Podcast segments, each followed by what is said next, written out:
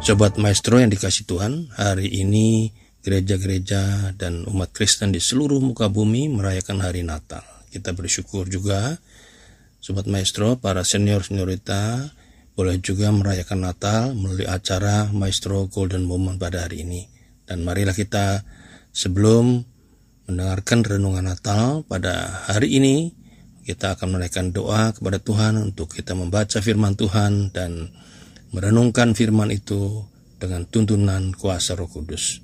Mari kita berdoa. Tuhan, lengkapi kami ketika kami membaca firman Tuhan, pesan Natal dan perenungan Natal pada hari ini dengan kuasa Roh Kudus. Karena hanya dengan kuasa itu ya Tuhan, kami percaya bahwa Engkau akan mengalirkan firman Tuhan yang merupakan berita keselamatan bagi seluruh umat manusia di muka bumi ini akan boleh mendapat tempat di hati kami dan tempat pada semua orang dalam hati mereka agar mereka juga boleh percaya kepada Tuhan Yesus. Bapa, kami mohon Roh Kudus hadir menolong kami ketika kami membaca, merenungkan dan biarlah semua yang boleh kami alami pada saat ini memberkati kami sehingga hari Natal ini memberikan kesan yang mendalam pada kami bahwa penglihatan kami, fokus kami hanya kepada Kristus yang sudah lahir dan yang akan datang kembali pada waktunya untuk boleh mengakhiri kehidupan di muka bumi ini. Kami menantikan itu semua ya Bapa dengan pikiran bahwa akhirnya kerajaan Allah akan datang dengan sempurna. Karena itu ya Bapa kami mohon roh kudusmu hadir pada kami, menolong kami, sehingga berkatmu hadir pada saat Natal tahun ini. Sehingga hati kami penuh sukacita, penuh damai sejahtera, penuh syukur kepada Tuhan. Karena kami boleh menerima keselamatan yang kekal di dalam Tuhan Yesus Kristus. Bersabdalah ya Tuhan karena kami bersedia mendengarkannya. Dalam nama Tuhan Yesus kami berdoa. Amin. Sobat Maestro, kita akan membaca firman Tuhan pada hari Natal ini dari Injil Lukas pasal 2 ayat yang ke-8 sampai ayat yang ke-20. Inilah sabda Tuhan. Di daerah itu ada gembala-gembala yang tinggal di padang menjaga kawanan ternak mereka pada waktu malam. Tiba-tiba berdirilah seorang malaikat Tuhan di dekat mereka dan kemuliaan Tuhan bersinar meliputi mereka dan mereka sangat ketakutan.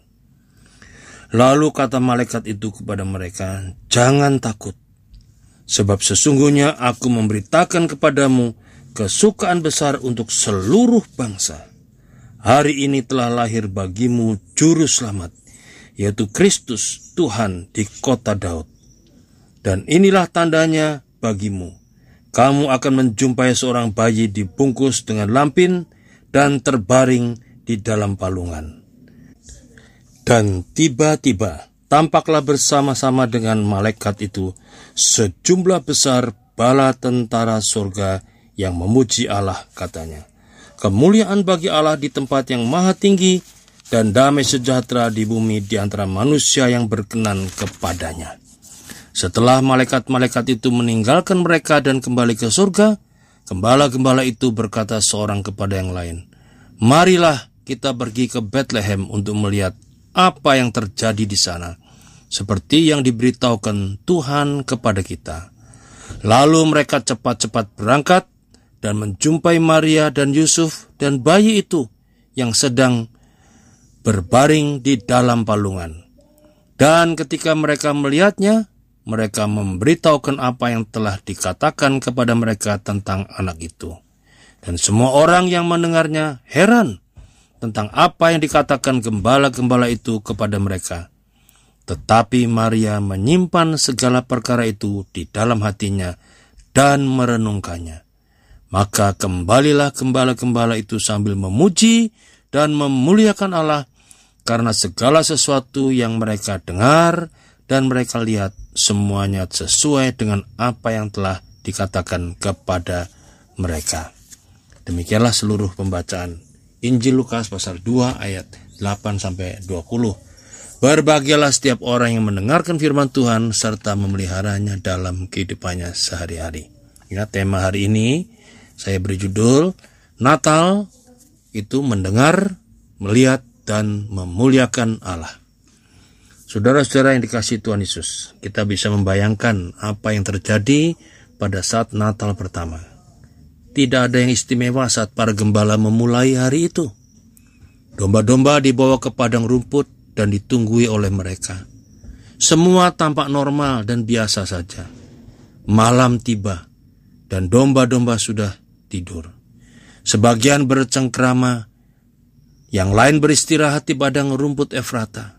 Tiba-tiba, sinar terang benderang dari langit mengejutkan. Apa ini? Semua ketakutan. Tetapi, terdengarlah suara. Jangan takut, sebab sesungguhnya aku memberitakan kepadamu kesukaan besar untuk seluruh bangsa. Hari ini telah lahir bagimu juru selamat, yaitu Kristus Tuhan di kota Daud. Dan inilah tandanya bagimu. Kamu akan menjumpai seorang bayi yang dibungkus dengan lampin dan terbaring di dalam palungan. Dan sesudah itu, mereka menyaksikan pemandangan yang paling menakjubkan yang belum pernah mereka lihat seumur hidup. Sepasukan malaikat di langit memuji Tuhan dengan begitu agung. Siapa mereka sehingga mereka bisa menikmati semua itu. Mereka diberitahu kabar paling gempar sepanjang sejarah ini. Siapa mereka? Hanya para gembala. Dan semua ini dimulai dari sebuah hari yang sangat biasa. Tapi malam itu mendapat undangan spesial sebagai saksi pertama kelahiran juru selamat.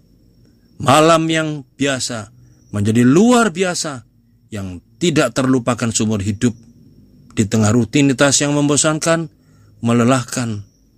Bagi para gembala, ternyata Tuhan hadir di tengah mereka. Itu berarti apa, saudara-saudara? Yang pertama, kita bisa membayangkan in, Natal ini adalah anugerah. Ya, anugerah bagi para gembala. Mengapa para gembala? Padahal mereka itu kalangan termiskin di masyarakat saat itu. Demi nafkah, mereka harus tidur bersama hewan-hewan dan menanggung risiko diserang binatang buas. Mereka adalah para gembala yang tidak terdidik itu. Bahkan secara sosial tidak bisa memberi kesaksian di pengadilan. Ya. Bahkan para gembala juga boleh dikatakan tidak kenal ilmu agama. Karena secara agama dipandang rendah, tidak memelihara sahabat. Karena mereka hanya mengerjakan juga pekerjaan pengembalaan di hari sabat sehingga tidak bisa mempraktekkan ritual agama. Mengapa semua seolah begitu saja dinyatakan kepada mereka yang rasanya jauh dari gambaran ideal penerima kabar terpenting dalam sejarah manusia?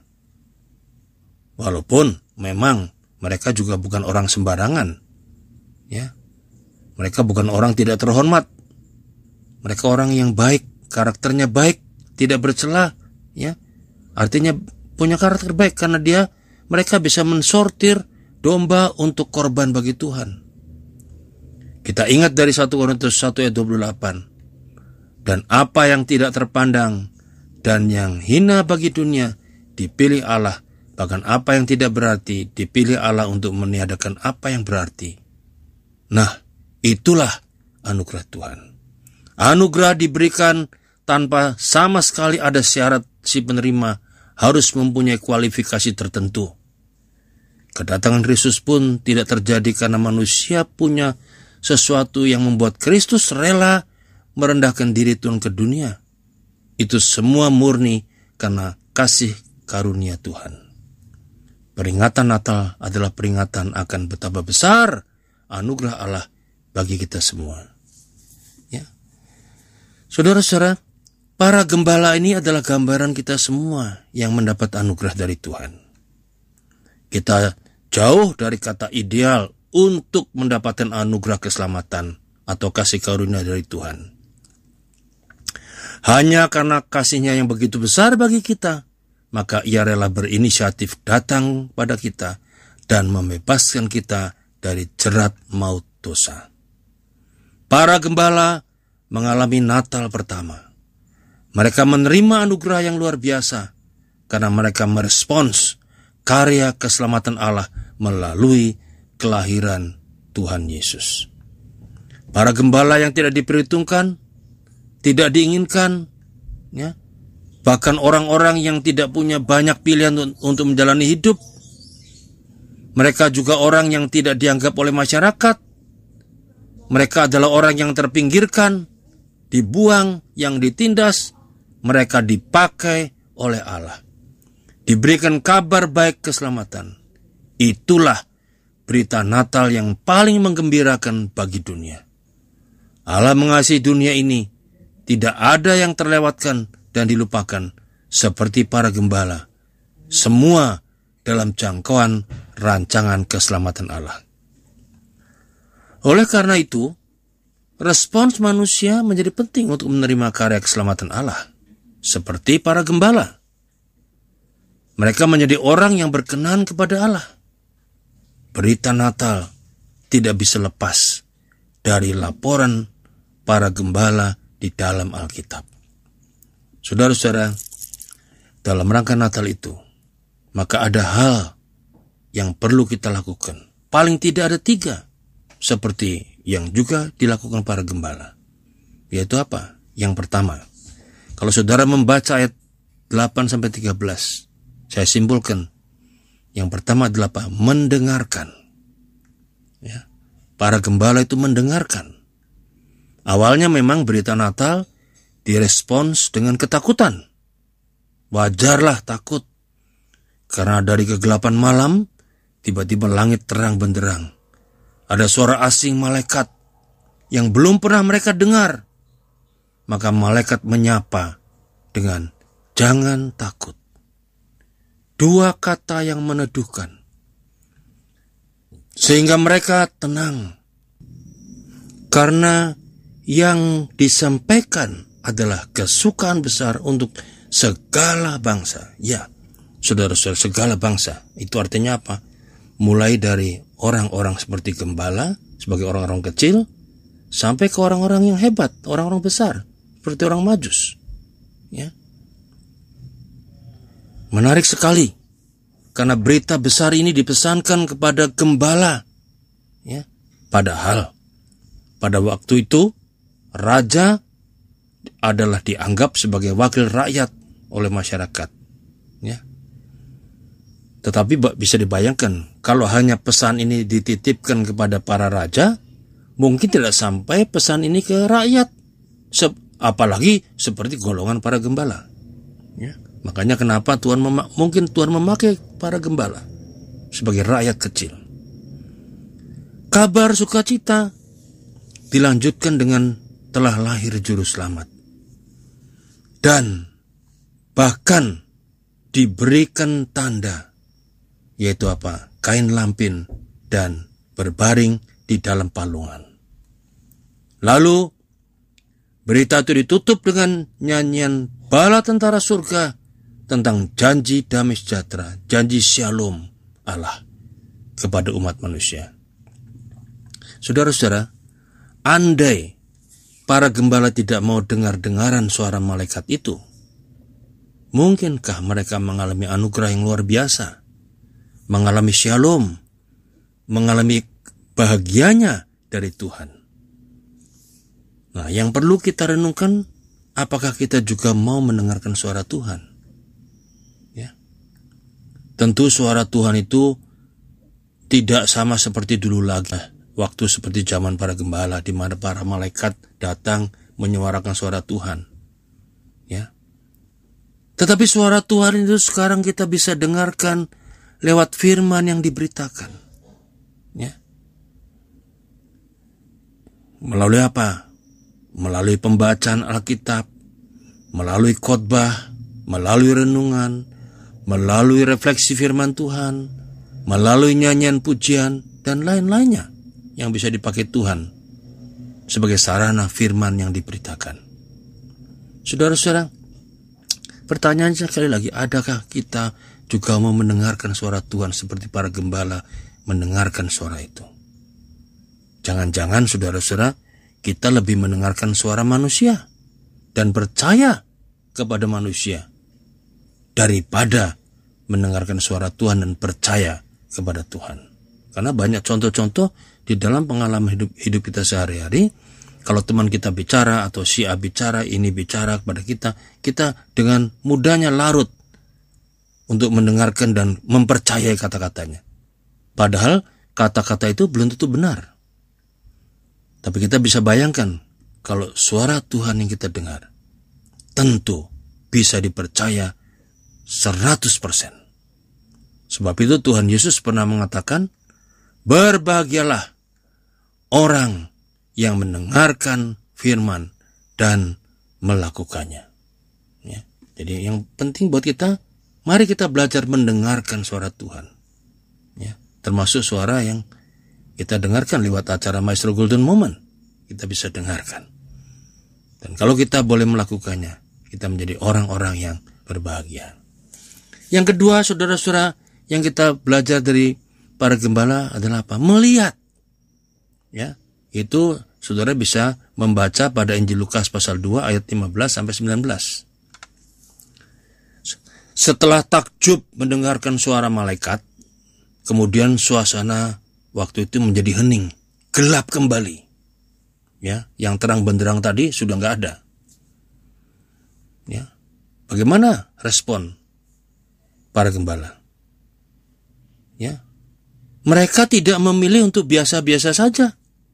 Mereka tidak memilih diam lalu kembali ke tugas sebagai gembala menjaga kawanan domba di malam hari. Tidak. Tetapi momen mendengarkan tadi mengubah mereka menjadi percaya untuk melihat semua yang telah didengarkannya. Ya. Dan ajakan bersama dari para gembala itu semuanya untuk pergi membuktikan bahwa mereka semua ingin membuktikan apa yang telah didengar dari malaikat. Ya. Kalau hanya ngomong tentang apa yang mereka dengar, pasti akan dianggap gosip atau dusta. Karena gembala-gembala pada zaman dulu tidak diakui kesaksiannya di muka umum. Nah pertanyaan buat kita adalah apa yang kita lihat pada waktu kita merayakan kelahiran Tuhan Yesus di Natal ini, pada saat ini? Apakah hanya gemerlapnya lampu Natal, dentangan lonceng, syahdunya lagu Natal, atau meriahnya acara Natal? Saudara-saudara, kalau hanya itu, artinya fokus penglihatan kita cuma perayaan hari lahir saja dari seorang Yesus, cuma perayaannya, kesuksesan acaranya, berkat yang kita dapat dari khotbah Natal, saudara hati-hati. Itu semua bisa membuat Mesias atau Yesus tersingkir dari Natal. Walaupun kita merayakan Natal. Maka, karena fokus penglihatan kita pada hal-hal lahiriah tadi, maka setelah Natal, semua yang kita rayakan itu terlupakan. Yang ada adalah libur Nataru Natal, dan Tahun Baru. Saudara-saudara, Natal adalah tentang Yesus. Ya, ini paling penting. Natal adalah bukan perayaan kesuksesan acara berkat. Natal adalah tentang Yesus. Yesus yang lahir. Seharusnya kita hanya melihat Kristus. Fokus penglihatan kita setiap merayakan Natal ialah Kristus yang adalah karya keselamatan Allah untuk semua bangsa. Kalau ini yang menjadi fokus penglihatan kita, semangat Natal tidak akan bisa dicuri dari kehidupan kita. Natal tak akan lewat hanya karena bulan berganti. Kristus atau Mesias tidak akan terlupakan hanya karena kesibukan kita. Bahkan juga tidak terlupakan hanya karena kita punya masalah.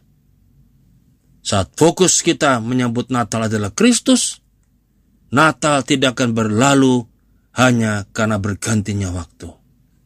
Bahkan, saya mau mengatakan bila seluruh hidup kita fokus kepada Kristus, maka selalu ada pengharapan. Ya. Maka saudara-saudara kita lihat ada perbedaan antara Christmas dengan Natal. Ya. Kata Christmas langsung diambil dari kata Kristus. Ya. Sedangkan Natal diambil dari perayaan Dewa Surya, Dewa Matahari. Nah di Indonesia saudara-saudara lucu kadang-kadang. Kata Christmas itu bertaburan di plaza-plaza, di mall, di rumah sakit, di pertokoan, di hotel, di sekolah-sekolah. Sedangkan kata, kata Natal hanya lebih banyak digunakan di gereja. Lucu ya kadang-kadang. Ya seharusnya kita juga pakai kata Christmas lah. Merry Christmas.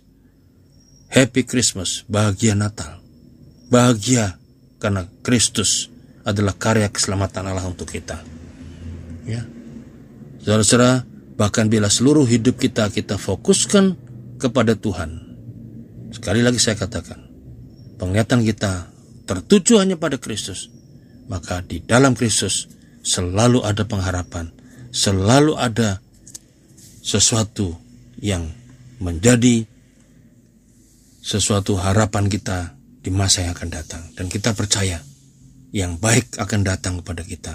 Karena kita percaya pada Kristus yang sudah lahir dalam hidup kita.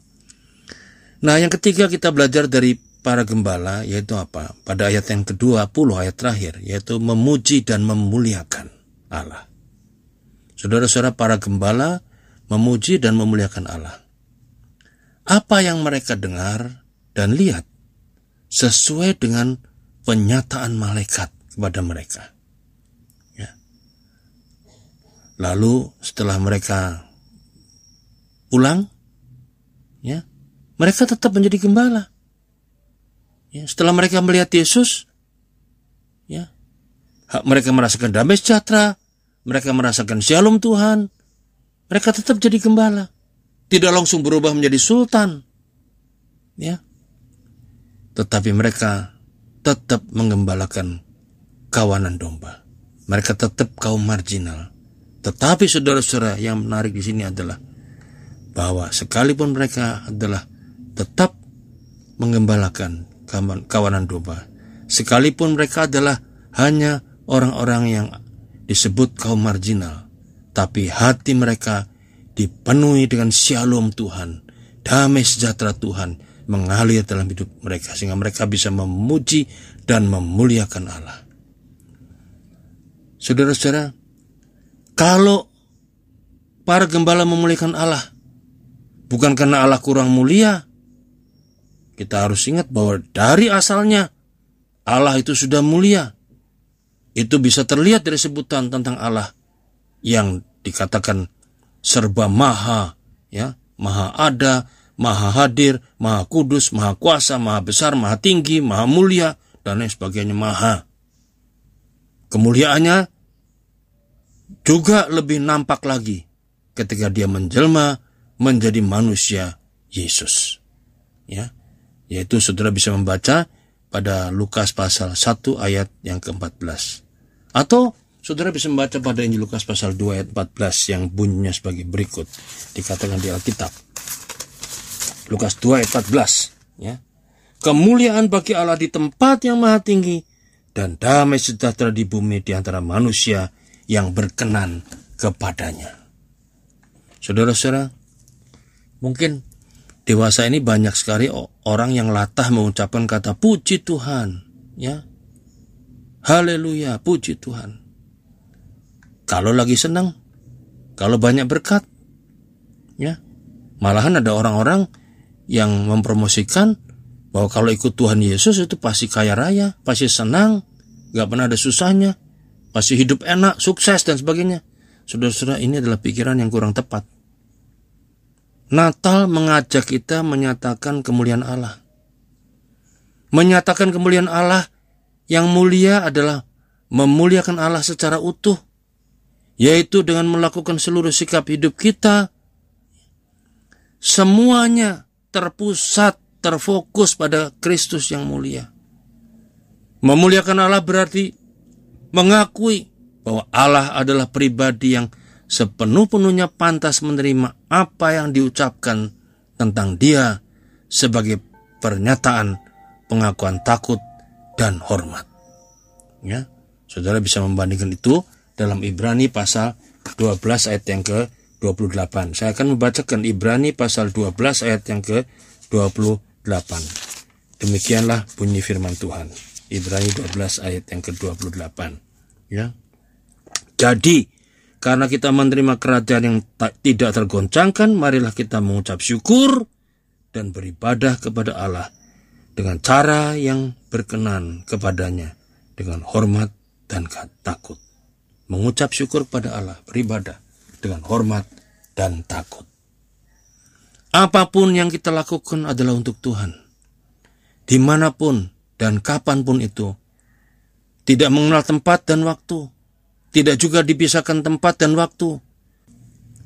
Dalam setiap aktivitas dan kegiatan kita, haruslah semuanya kita lakukan untuk Tuhan. Untuk kemuliaan nama Tuhan. Karena kita diciptakan dengan tujuan untuk memuliakan nama Tuhan. Itu berarti apa?